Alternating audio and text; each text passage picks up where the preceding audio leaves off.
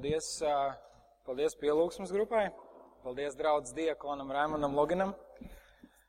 Lūdzu, sēdieties. Es arī gribu visus sveicināt un sveikt ģimenes dienā, māmiņu dienā. Un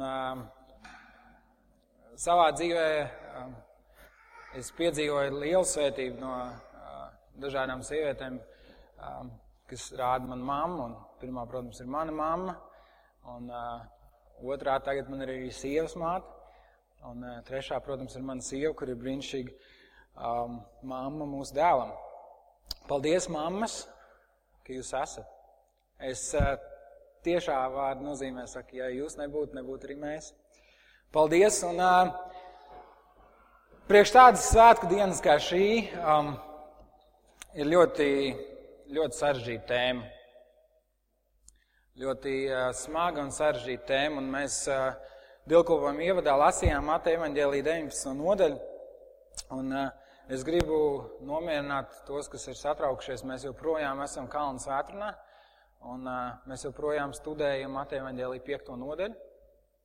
Un uh, šodien mēs uh, runāsim par 31. un 32. pantu un tēma ir par laulības šķiršanu. Baznīcā to pieminēt ārprāts.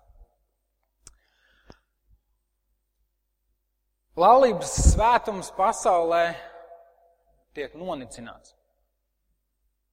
Laulība kā institūcija patiesībā um, vairs neko nenozīmē. Um, cilvēki slēdz laulību tad, ja tas viņiem ir izdevīgi. Cilvēks slēdz laulību tad, ja to nu, tā vajadzētu darīt. Un, nu, protams, ir arī kristieši, kuri precās no sirds. Bet uh, laulība vairs nav tāda svēta lieta.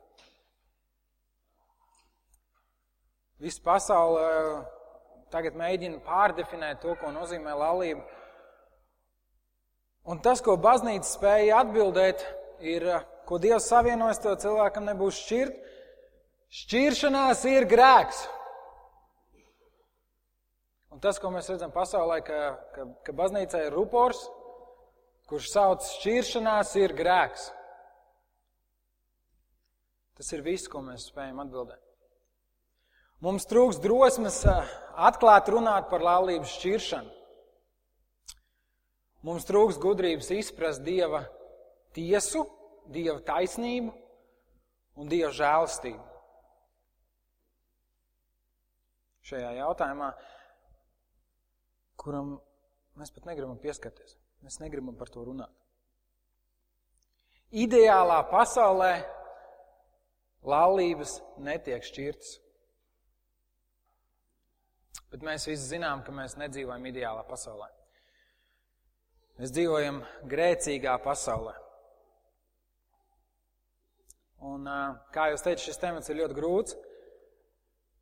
Tāpēc ir ļoti svarīgi, un es gribu arī jūs visus aicināt, lai svētais gars pats dara savu vārdu saprotam, un es gribu aicināt jūs, ka jūs lūdzat. Dievs palīdz man to saprast. Dievs palīdz man izprast, kā tas ir. Ko tu ar to gribēji pateikt? Kā man reaģēt, ja cilvēks šķirās? Kā man reaģēt, ja es sastopos ar krīzi savā laulībā?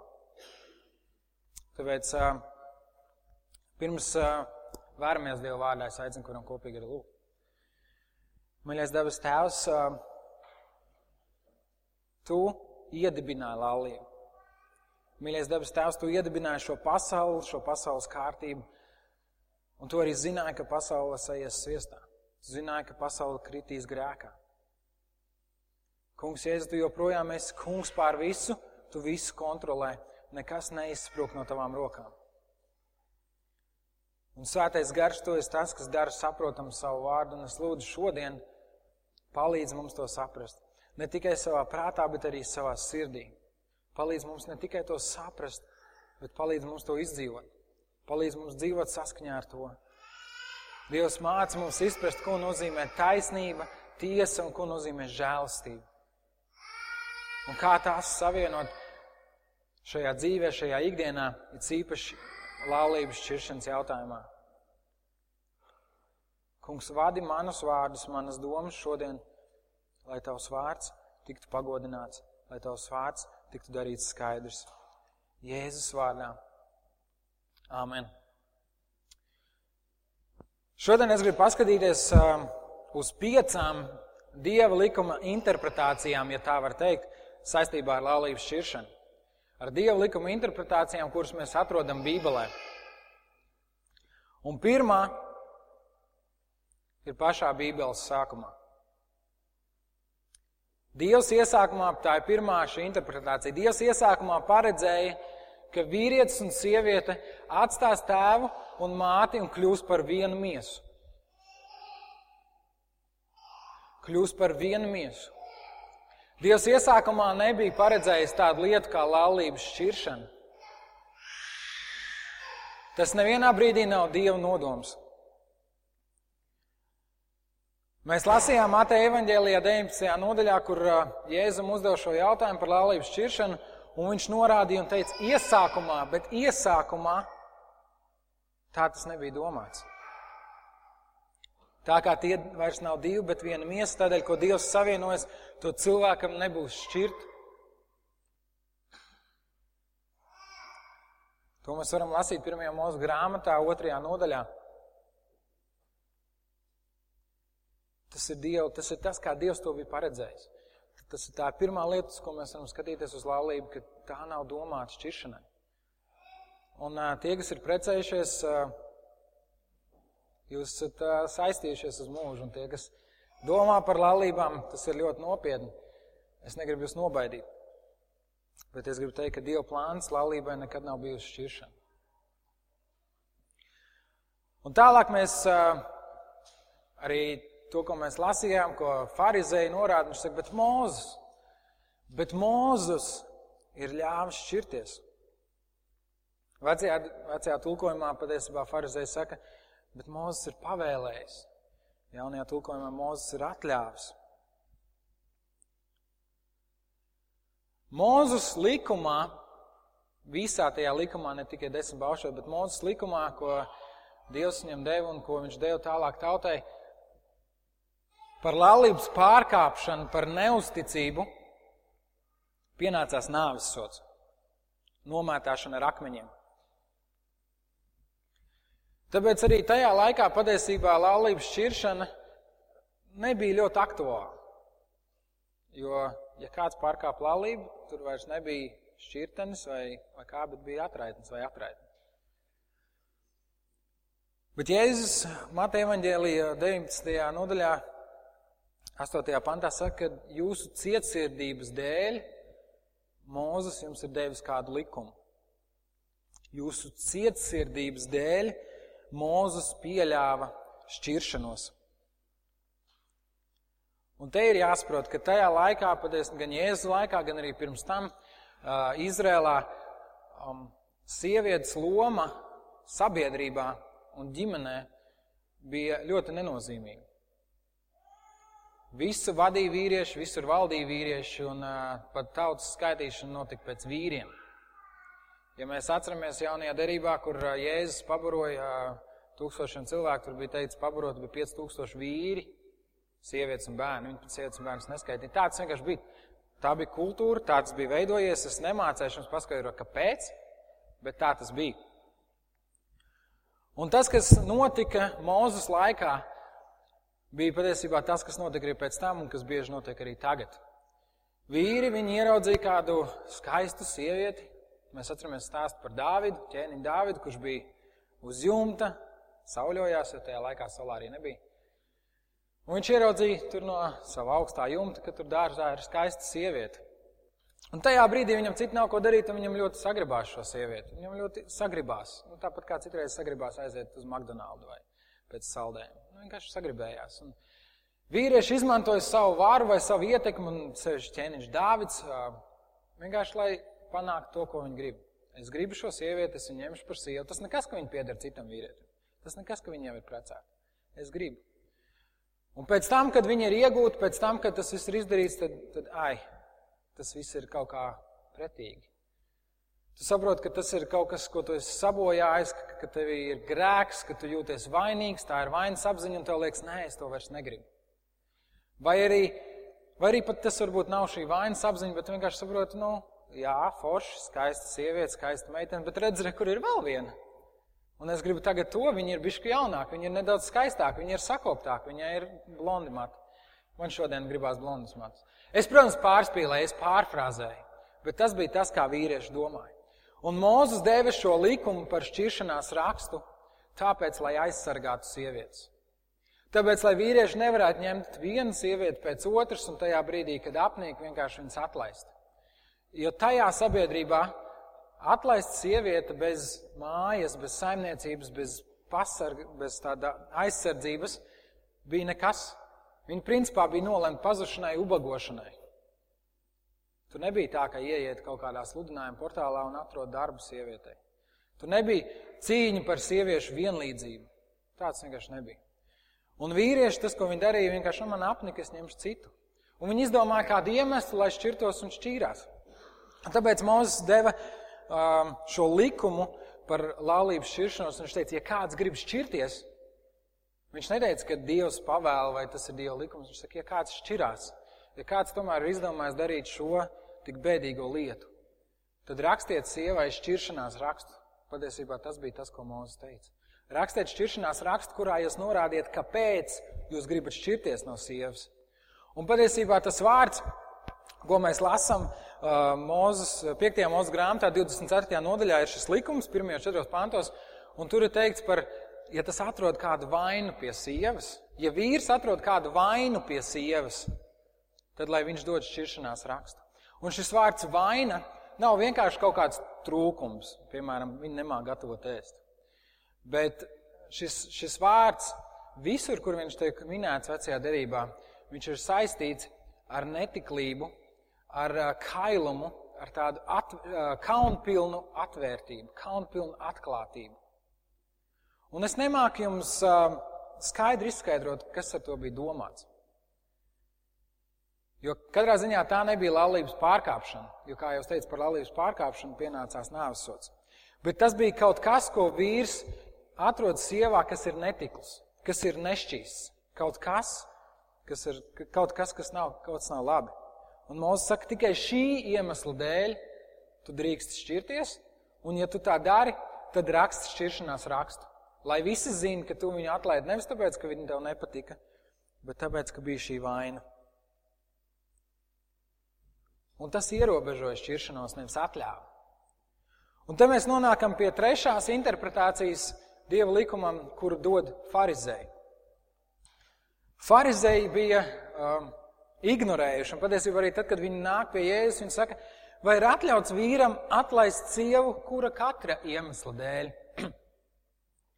Jo tas bija tas, kā viņi mācīja šo likumu. Viņi fokusējās uz, uz to, ko Mozus teica, ja kāds grib šķirties, vienkārši dod viņai šķiršanās rakstu. Galvenais bija uzrakstīt šķiršanās rakstu, un tad drīkstēja šķirties. Un patiesībā viņi bija aizgājuši atpakaļ pie tā paša, ko darīja Izraels Mūzes laikā. Vienīgā starpība, ka viņi to nokārtoja papīros. Viņi nokārtoja papīrus, viņi parakstīja šķiršanās rakstu. Un Pharizēji mācīja, ka nav svarīgs iemesls. Galvenais ir uzrakstīt šo šķiršanās rakstu. Un tas, ko Pharizēji gribēja, tas, ko Pharizēji gribēja panākt un kāpēc viņi to Jēzum prasīja, viņi gribēja panākt, ka Jēzus pasaka, nē, tā nav. Viņi gribēja panākt, ka Jēzus nostājās pret Mūzus likumu.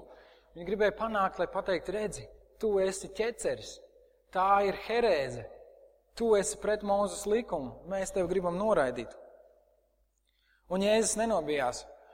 Tieši tas ir tas, ko Jēzus pret viņiem vērsās, un viņš teica, tāpat ir sacīts, kas atlaiž savu sievu, lai dod viņai šķiršanās rakstu. Viņš saka, kā jau mēs ejam cauri šai kalnu svētrē, viņš saka, ir sacīts, jūs esat dzirdējuši. Jūs patiesībā nemaz nezināt, jūs neesat lasījuši. Jūs vienkārši esat dzirdējuši, ko jums ir mācījuši. Ka kas grib šķirties, tas lai uzraksta vienu papīrīti un viss būs kārtībā. Bet, Jēzus, bet es jums saku, ka viens, kas atlaiž savu sievu, izņemot viņas netiklības dēļ, spiež viņu pārkāpt laulību. Un kas šķirtu prets, tas pārkāp laulību. Un šeit mēs nonākam pie ceturtās interpretācijas, ceturtā dieva likuma skaidrojuma par laulību šķiršanu, un tas ir Jēzus skaidrojums. Jēzus atgriežas pie oriģinālā dieva likuma, ka laulība ir uz mūžu. Laulība ir uz mūžu. 19. nodaļā Mateja evaņģēlijā tur, tur ir plašāk paskaidrots šis pats temats, kur Jēzus arī saka, iesākumā tāds nebija. Viņš atsaucās uz savu tēvu, viņš atsaucās uz sevi, jo mēs zinām, ka Jēzus tur bija. Viņš bija klāt, kad Dievs radīja laulību. Un viņš saka, tāds nav. Nevar šķirties kura katra iemesla dēļ. Bet, ja es saku, izņemot neusticības, jeb netiklības gadījumu, un kas ir mainījies? Kas ir mainījies Jēzus laikā, kad Jēzus saka šo izņemot netiklības gadījumu? Mēs atceramies stāstu par to, ka farizēļi atved pie Jēzus sievieti, kura tika pieķerta laulības pārkāpšanā, un par šo raksturvietu var veidot uh, atsevišķu svētrunu. Bet farizēji, Jēzus, es nezinu, ko viņš rakstīs miltīs, bet ko viņš tur darīja, bet atnes, atved pie Jēzus sievieti un saka, šī sieviete tika pieķerta laulības pārkāpšanā. Un Mūzes likums saka, ka viņai ir jāizpild nāves sots. Ko Jēzus atbildēja? Viņš teica, tas no jums, kurš ir bez vainas, lai met pirmo akmeni. Tas no jums, kurš jūtās pietiekami taisns un pareizs, lai izpildu nāves sodu. Un visi cilvēki aizgāja prom. Neviens neuzdrīkstējās sev pasludināt par svētu. Un, ja es teicu šai sievietei, viņš saka, arī es tevi nepazudinu. Neviens tevi nav pazudinājis, neviens tevi nav notiesājis, un arī es tevi netiesāju. Es tevi nepazudinu. Ej un negrēko vairs. Kaut kādā ziņā Jēzus atceļ šo nāves sodu. Jēzus atceļ šo nāves sodu. Un tāpēc, ka senajos laikos, ja bija laulības pārkāpšana, nomētāja ar akmeņiem, nebija laulības šķiršana, uzreiz bija atraitnes vai atraitne. Tad tagad Jēzus saka, šajā neusticības gadījumā jums vairs nevajag nogalināt otru cilvēku, nevajag nomētāt viņu ar akmeņiem. Jūs varat šķirties. Netiklības vai ne, neusticības gadījums ir tas, ko mēs redzam Bībelē, kur Bībele ļoti skaidri, kur Jēzus pats pieļauj laulības šķiršanu. Tas ir tāds drošs pamats, kur mēs varam teikt, tā saka Jēzus. Un piektais skaidrojums, piekto skaidrojumu mēs varam atrast Pāvila vēstulē korintiešiem, kur Pāvils Korintas draudzē raksta par vēl kādu gadījumu, kur Pāvils raksta par viņa viedokli. Un tas ir interesanti, kā viņš lieto, kā viņš izvēlas vārdus. Pāvila vēstule, pirmā vēstule korintiešiem, 7. nodaļa, no 10. līdz 16. pantam. Pirmā vēstule korintiešiem, 7. nodaļa, no 10. līdz 16. pantam. Pāvils raksta, precētajiem es pieprasu Tomēr ne es, bet kungs pieprasa. Sievai no vīra nešķirties. Bet, ja tā šķirtos, lai paliek neprecēta, vai arī lai izlīgst ar vīru. Tāpat arī vīrs no sievas, lai nešķirs. Ievērojot, kad Pāvils saka, es pieprasu, ne es, bet kungs pieprasa. Nešķirties. Bet, ja arī šķirtos, lai paliek neprecēti. Pārējiem nevis kungs, bet es pats saku. Ja kādam brālim ir neticīga sieva, un viņa tomēr labprāt grib ar viņu dzīvot, lai viņš to neatstāja. Un ja kādai sievai ir neticīgs vīrs, un viņš tomēr labprāt grib ar viņu dzīvot, lai viņa neatstāja savu vīru. Jo neticīgo vīru dara svētu viņu sievu, un neticīgo sievu dara svētu ticīgais vīrs, jo citādi jūsu bērni ir nešķīsti, bet tagad tie ir svēti. Ja nu neticīgais šķiras, lai šķiras. Tādā gadījumā ticīgais vīrs vai sieva nav saistīti, jo Dievs jūs ir aicinājis mieram. Kā tu zini, sieva, vai tu izglābsi savu vīru, vai arī kā tu zini, vīrs, vai tu izglābsi savu sievu? Šajā gadījumā uh, atkal ir cits iemesls, kāpēc Pāvils to raksta. Tā ir jaunās derības draudze, kur ir piedzīvojusi Kristus žēlstību, kur ir piedzīvojusi to, ka Kristus vēsts izplatās ne tikai pie jūdiem, bet pie visiem cilvēkiem. Arī pie neticīgiem cilvēkiem, kā mēs sakām, pagāniem, kuriem nav nekāda reliģiska backgrounda, reliģiskas pagātnes. Un bieži notika tā, ka kādā ģimenē, klausoties Pāvila vai kāda cita sludinātāja vārdus, kāds no viņiem kļūst ticīgs, vai nu vīri, vai nu sievas, sieva.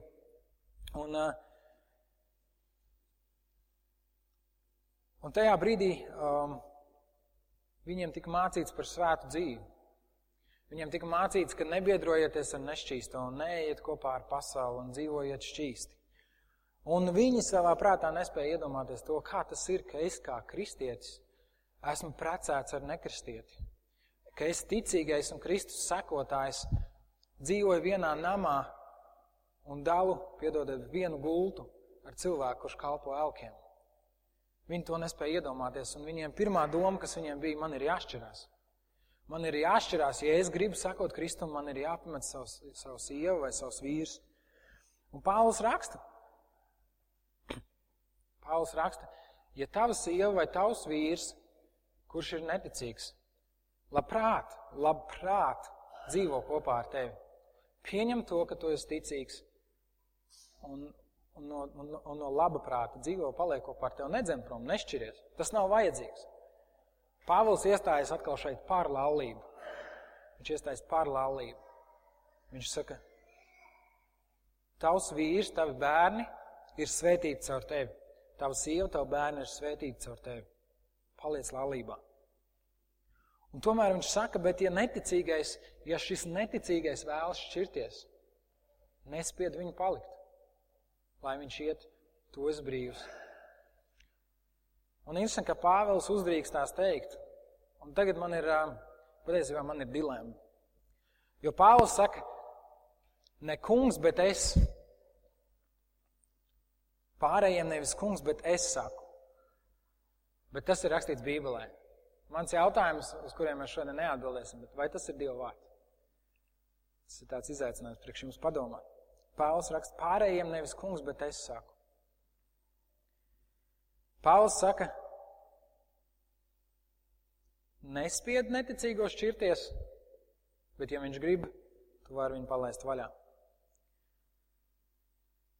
Šeit mēs redzam vēl vienu pamatojumu Bībelē, vai vēl vienu skaidrojumu Bībelē, kur tiek pieļauts šķiršanās. Bet es vēlos nedaudz paskaidrot neticību, jo tas šķiet pārāk vienkārši, vai ne? Ja es neju baznīcā, un mana sieva neiet baznīcā, un, ja viņi grib šķirties, mēs varam šķirties viss kārtībā. Bet ja es eju baznīcā, un mana sieva iet baznīcā, un kāds no mums tomēr grib šķirties. Un Pāvils patiesībā šajā pašā vēstulē korintiešiem paskaidro, ko viņš domā ar vārdu neticīgs. Viņš paplašina šo neticības definīciju. Tas nav tikai cilvēks, kurš nepazīst Kristu vai kurš neiet baznīcā. Viņš raksta 5. nodaļas 9. pantā, es jums vēstulē rakstīju, lai jūs nesajieties ar netikļiem un nedomāju ar šīs pasaules netikļiem vai alkatīgiem un laupītājiem vai alku pielūdzējiem vispār, tad jums vajadzētu šo pasauli pamest. Es jums rakstīju, nesajieties ar tādu, kas gan saucas brālis, bet ir netikls vai alkatīgs. Tāds, kas kalpo alkiem, kas runā rupjības, ir dzērājs vai laupītājs, ar tādu pat neēdiet kopā.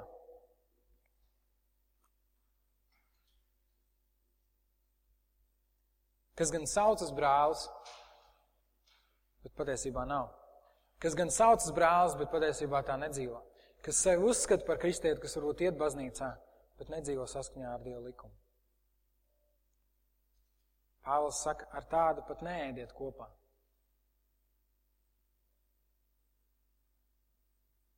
Redziet, laulības šķiršana nav viegls temats.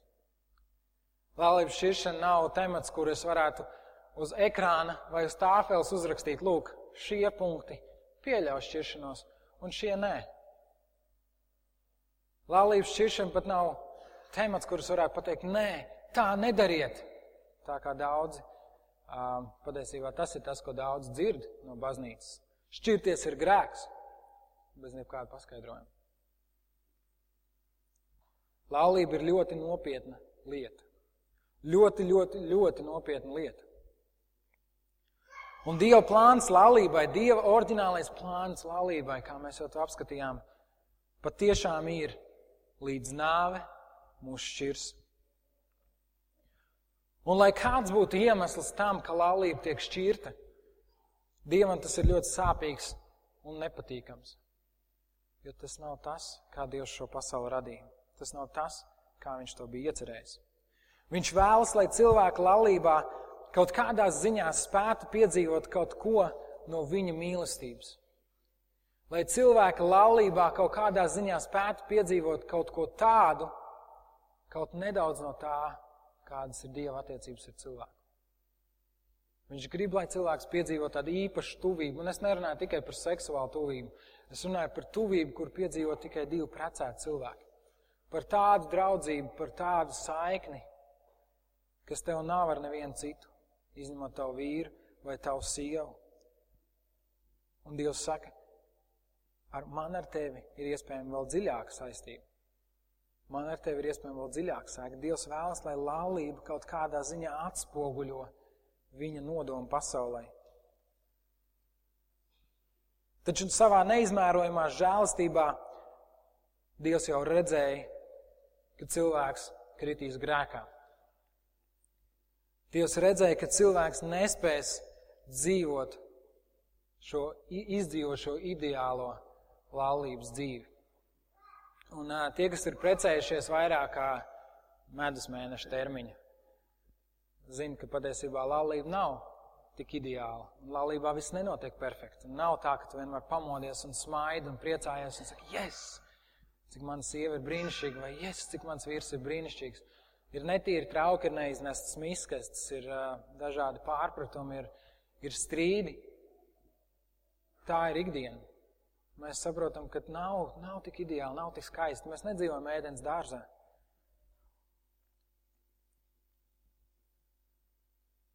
Un es tagad negribu atļaut vai aizliegt laulības šķiršanu.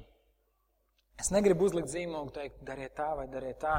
Un patiesībā tas nav tas, ko ir darījis Mūzes, tas nav tas, ko ir darījis Pāvils, tas pat nav tas, ko ir darījis Jēzus. Ja laulība tiek šķirta, tā jebkurā gadījumā ir, ir kaut kāda zināma traģēdija. Traģēdija ne tikai Dieva priekšā, bet arī cilvēkiem. Tomēr es gribu jums izstāstīt kādu stāstu. Un es ceru, ka tas palīdzēs mums nedaudz saprast. Ka tas palīdzēs mums saprast ne tikai taisnības un tiesas daļu šajā jautājumā, bet saprast arī žēlstības daļu. Stāsts ir par uh, ģimeni Latvijā. Man šo stāstu atstāstīja. Tas notika laikā, kad uh, Hitleriskā Vācija um, bija izplatusies bija arī šeit un meklē, meklēja ebrejus. Meklēja ebrejus, lai viņus apcietinātu, lai viņus ieliktu koncentrācijas nometnēs un gal galā, lai viņus nogalinātu. Un tas bija laiks, kad tika veidot šis geto, kur viņus visus salikt. Un tajā brīdī viņi visi vēl nedzīvoja vienā vietā. Un šie vācu karavīri, viņi veica dažādas izmeklēšanas un viņi meklēja šos ebrejus pa dažādām vietām. Un kāda kristiešu ģimene pieņēma ebreju ģimeni savās mājās. Viņi viņus slēpa. Viņi, viņi, viņi par viņiem rūpējās, un viņi negribēja pieļaut to, ka arī šos, šo ebreju ģimeni aizved uz koncentrācijas nometni. Un kādā dienā pie viņu durvīm pieklāvē Vācijas armijas karavīri. Un šie kristieši pieeja pie durvīm, un ebreji ir paslēpti, un um, šie Vācijas karavīri viņiem prasa. Acīm redzot, viņi vienkārši gāja visiem dzīvokļiem cauri. Viņi prasa, vai šajā namā ir kāds ebrejs? Vai šajā namā ir kāds ebrejs? Ko tu kā kristietis atbildēsi, zinot, ka melot ir grēks?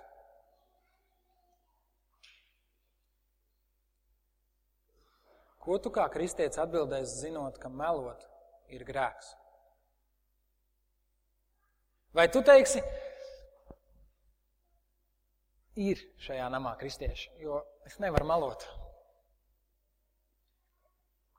Un šī tava atbilde automātiski nozīmē, ka šie kareivi nāk tavā dzīvoklī, pārmeklē, atrod šos cilvēkus un aizved uz geto.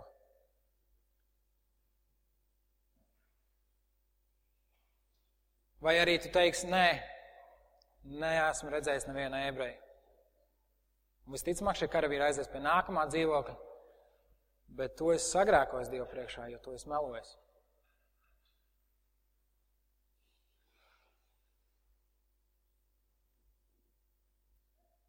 Šī izpratne starp taisnību un tiesu un žēlastību.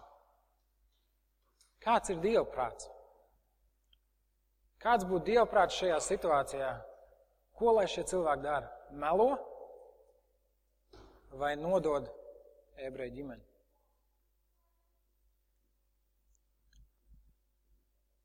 Un es esmu pārliecināts, ka šajā gadījumā Dieva prāts ir, lai šī ģimene tiktu glābta un netiktu iznīcināta.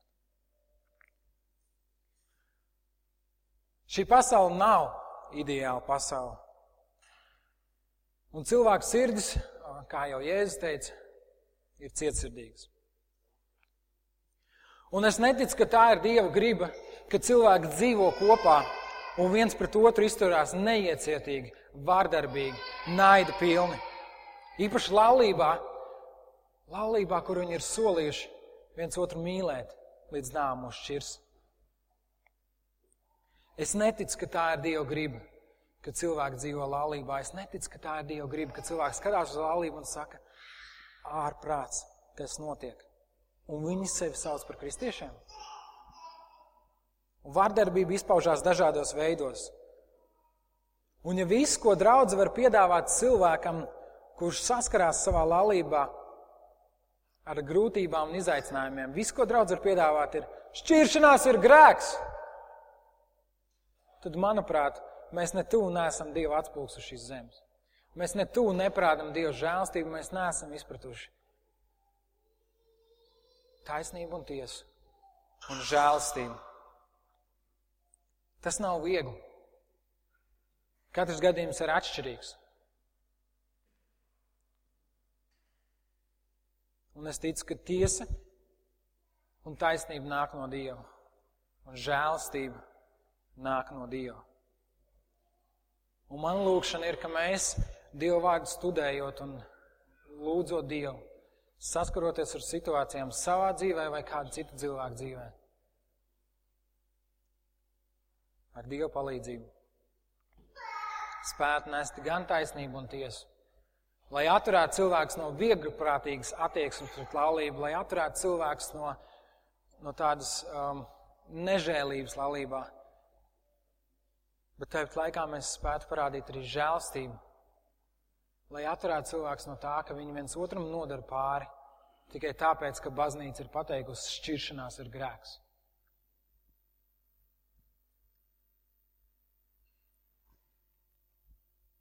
Es nezinu, kur tu esi savā dzīvē, ar ko tu esi saskāries. Un es ļoti ceru, ka,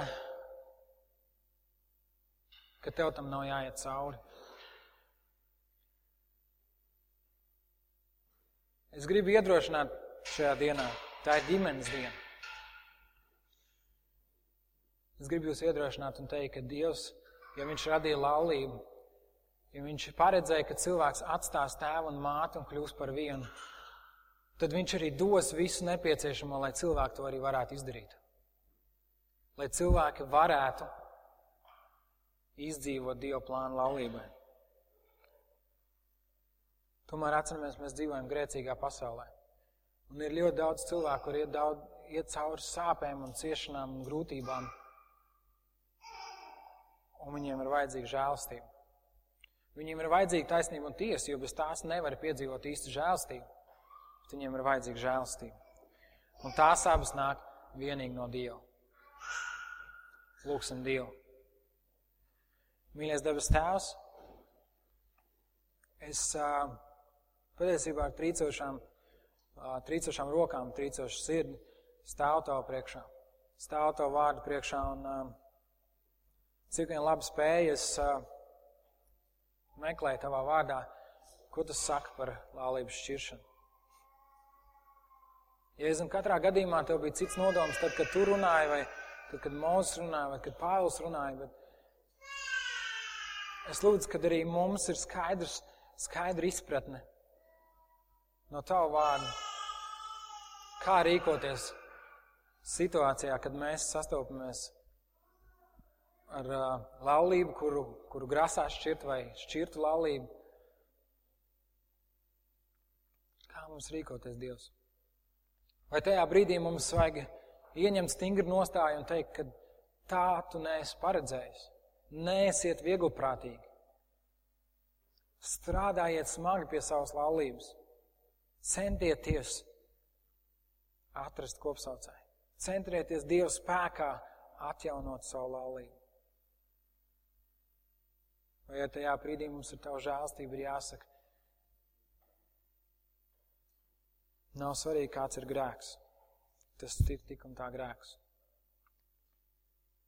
Bet, lai pasauli piedzīvot un lai pasaulē nebūtu šīs ciešanas, mums ir jāpalīdz kādam cilvēkam iet cauri šim šķiršanās procesam. Un nevis ar nosodījumu, bet ar mīlestību.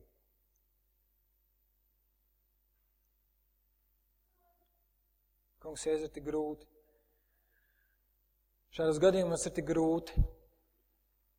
Bet es lūdzu, ka tavā spēkā mēs varam tajā pastāvēt. Tavā spēkā mēs neizvairamies no tā, no kā tu neizvairies, Kristu. Mēs neizvairamies no tā, par ko Dieva vārds runā.